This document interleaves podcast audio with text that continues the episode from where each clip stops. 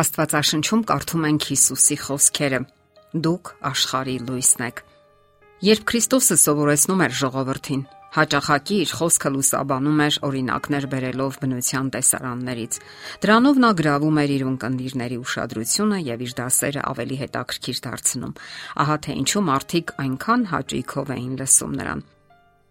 Այդ օրն էլ ժողովուրդը հավաքվել էր դեռ արևածագին։ Նրանք խաղաղ տեղավորվել էին խոտերի վրա եւ սպասում էին։ Ավելի ու ավելի բարձրանալով ճկնաղ արեգակը մի կողմ էր ցրում խիտ ստվերները, որոնք դարան էին մտել հովիտներում եւ սարերի նեղ կիրճերում։ Սակայն արևելյան երկնքի փառքը չէր խունացել։ Արևի լույսն իր պայծառությամբ ողողել էր երկիրը լճի ամբրթով մակերեսի վրա արտացոլվել էր ոսկեզոծ լույսն ու անդրադարձել առավոտյան վարդագույն ամպերում։ Ամեն մի բողբոջ, ծաղիկ ու տերևազարդ շիվ շողշողում էր ցողի կաթիլներով, բնությունը ճպտում էր նոր օրվա օրհնությունով եւ ծառերի վրա թրջունների քաղցր դայլայլով։ Փրկիչը նայեց իր արջև հավաքված ժողովրդին, հետո ցակող արեգակին եւ աշակերտներին ասաց. Դուք աշխարի լույսն եք։ Ինչպես արևն է կատարում իր սիրո հանձնարարությունը, ցրելով գիշերվա ստվերներն ու արտնասնելով աշխարհը կյանքի համար, այդպես էլ Քրիստոսի հետևորդները պետք է կատարեն իրենց առաքելությունը, սփռելով երկնային լույսը մեղքի ու հանցանքի խավարում գտնվող մարդկանց վրա։ Արեգակի շողշողուն լույսի ներքո པարզորոշ երևում էին քաղաքներն ու գյուղերը։ Նրանցից շատերը բարձրադիր վայրերում էին։ Ցույց տալով դրանք Հիսուսն ասաց. Մի քաղաք, որ գտնվում է սարի վրա, չի կարող թաքնվել։ Եվ ավելացրեց. Ճրակը չեն բարի ու դնի գրվանի տակ, այլ ճրակակալի վրա, եւ նա լույս կտա ամենքին, որ տան մեջ են։ Ունկնդիրներից շատերը գյուղացիներ ու ձկնորսներ էին, ովքեր ապրում էին համեստ տնակներում, ունենալով ընդամենը 1 սենյակ, եւ այնտեղ տեղադրված միակ ճրակը լուսավորում էր ողջ տունը։ Ահա թե ինչու Հիսուսն ասաց. Այսպես լուսավորի ձեր լույսը մարդկանց առաջ, որ ձեր բարի գործերը տեսնեն եւ փառավորեն ձեր հորը, որ երկնքում է։ Բացի Քրիստոսից ճառագող լույսից ուրիշ ոչ մի լույս երբեք չի լուսավորել եւ չի էլ լուսավորի ընկած մարդուն։ Հիսուսը փրկիչը միակ լույսն է, որ կարող է ցրել մեղքի տակ կքած աշխարհի խավարը։ Քրիստոսի կյանքն ընդունելով նրա աշակերտները կարող են դառնալ լուսատուներ հոգում արմատավորված Քրիստոսի կյանքը բնավորության մեջ արտահայտված նրա սերը նրանց կդարձներ աշխարհի լույս։ Մարդկային բնությունն իր մեջ լույս չունի։ Առանց Քրիստոսի մենք նման ենք չվառված մոմի կամ արևից շրջված լուսնի։ Մենք ճունենք պայծառության ոչ մի ճառագայթ, որ լույս սփռենք խավար աշխարհի վրա, բայց երբ շրջվում ենք արդարության արեգակի կողմը, Երբ շփվում ենք Քրիստոսի հետ, մեր հոգին բոցավառվում է Աստվածային ներկայության պայծառությամբ։ Քրիստոսի հետևորդները պետք է ավելին լինեն, քան միայն լույսն է մարդկանց մեջ։ Նրանք աշխարհի լույսն են։ Հիսուսը բոլոր իր անունը կրողներին ասում է. Դուք ձեզ ինձ եք հանձնել, եւ ես ձեզ ուղարկում եմ աշխարհ, որպես իմ ներկայացուցիչներ։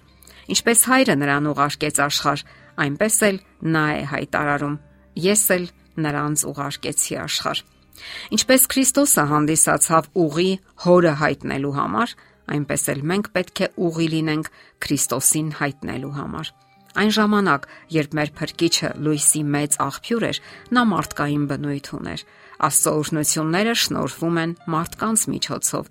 Ինքը Քրիստոսը եկել է աշխարհ որպես մարդու որդի,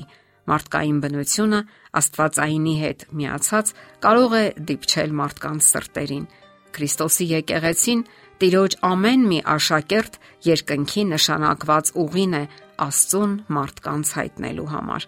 Փարքի հրեշտակները կամենում են ձեր միջոցով երկնային լույսն ու ուժը հաղորդել կործանվող հոգիներին։ Արդյոք մարդիկ կծուլանան կատարել իրենց հատկացված աշխատանքը։ Հենց այդ է պատճառը, որ աշխարը զրկված է Սուրբ Հոգու խոստացված ազդեցությունից։ Երբ իսրայելացիները ճանապարհ ընկան դուրս գալով Եգիպտոսից եւ գնացին դեպի ավետյաց երկիր, նրանց մեջ գտնվող անկեղծ մարդիկ լույս էին շրջապատող ազգությունների համար։ Նրանց միջոցով Աստված հայտնի է եղել աշխարհին, եւ դա ավելի գործուն եւ հուսալի վկայություն է, քան լոգ խոսքերը։ Մարդիկ վստահություն են զգում, տեսնելով նրանց գործերը, ովքեր կանգնած են իրենց խոսքերի հետևում։ Այսօր աշխարհն ունի քրիստոնյաների կարիքը, որpիսի վերափոխվի Աստվածային լույսի շնորհիվ։ Լույս, որ ցրում է խավարը եւ վերափոխում սրտերը։ Իսկ քրիստոնյաներն իսկապես կարող են վերափոխել աշխարհն իրենց ներկայությամբ ու բարի գործերով։ Ամենից առաջ գոյություն ունեն այնպիսի մարդիկ, ովքեր ընդունակ չեն բարի գործերի։ Մարդը կարող է ինչ որ պահի կարծրանալ եւ իրեն թվա, որ իր հոգում տեղ չկա բարության համար, սակայն դա սխալ է եւ ժամանակավոր։ Երբ մարդը բարի գործեր չի գործում, իրեն հարմարավետ չի զգում այս աշխարհում, իսկ երբ բարի գործեր է կատարում, նրա հոգին ցնծում է եւ ուրախություն է ապրում։ Քրիստոնյաները նաեւ սիրում են մարդկանց։ Երբեմն դա շատ դժվար է եւ նույնիսկ անհնար։ Ինչպես կարելի է սիրել մարդուն։ Դա սկսվում է այն պահից, երբ մենք նայում ենք նրան առանց նրան տիրելու եւ իշխելու ցանկության երբ ոչ մի ձևով ցանկություն չունենք օգտագործել նրան, նրա ապարքևներն ու տաղանդները կամ պարզապես նրա անznավորությունը։ Երբ պարզապես շփվում ենք, իսկ մերձավորների հետ անցկացրած յուրաքանչյուր օրը Աստծո նվերն է։ Այդ հրաշալի ապարքևի գինը մենք հաճախ չենք գիտակցում։ Ահա թե ինչու հարկավոր է այնպես ապրել յուրաքանչյուր օրը, որ մեզ հետ շփվող մարդիկ ափսոսան, որ իրենց կողքին չենք։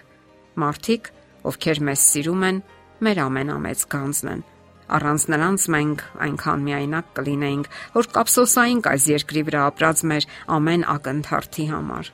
Մեր կյանքին իմաստ են հաղորդում այն մարդիկ, որոնց մենք սիրում ենք եւ որոնք փոխադարձաբար սիրում են մեզ։ Արարիչը մեզ սիրո ապարքև է տվել, հնարավորություն, որpիսի ընդունենք ու դրսևորենք այն ուրիշների հանդեպ, որովհետև նա ինքը սեր է եւ լույս է։ Եթերում է ղողանջ հավերժության հաղորդաշարը։ Ձեզ հետ է Գեղեցիկ Մարտիրոսյանը։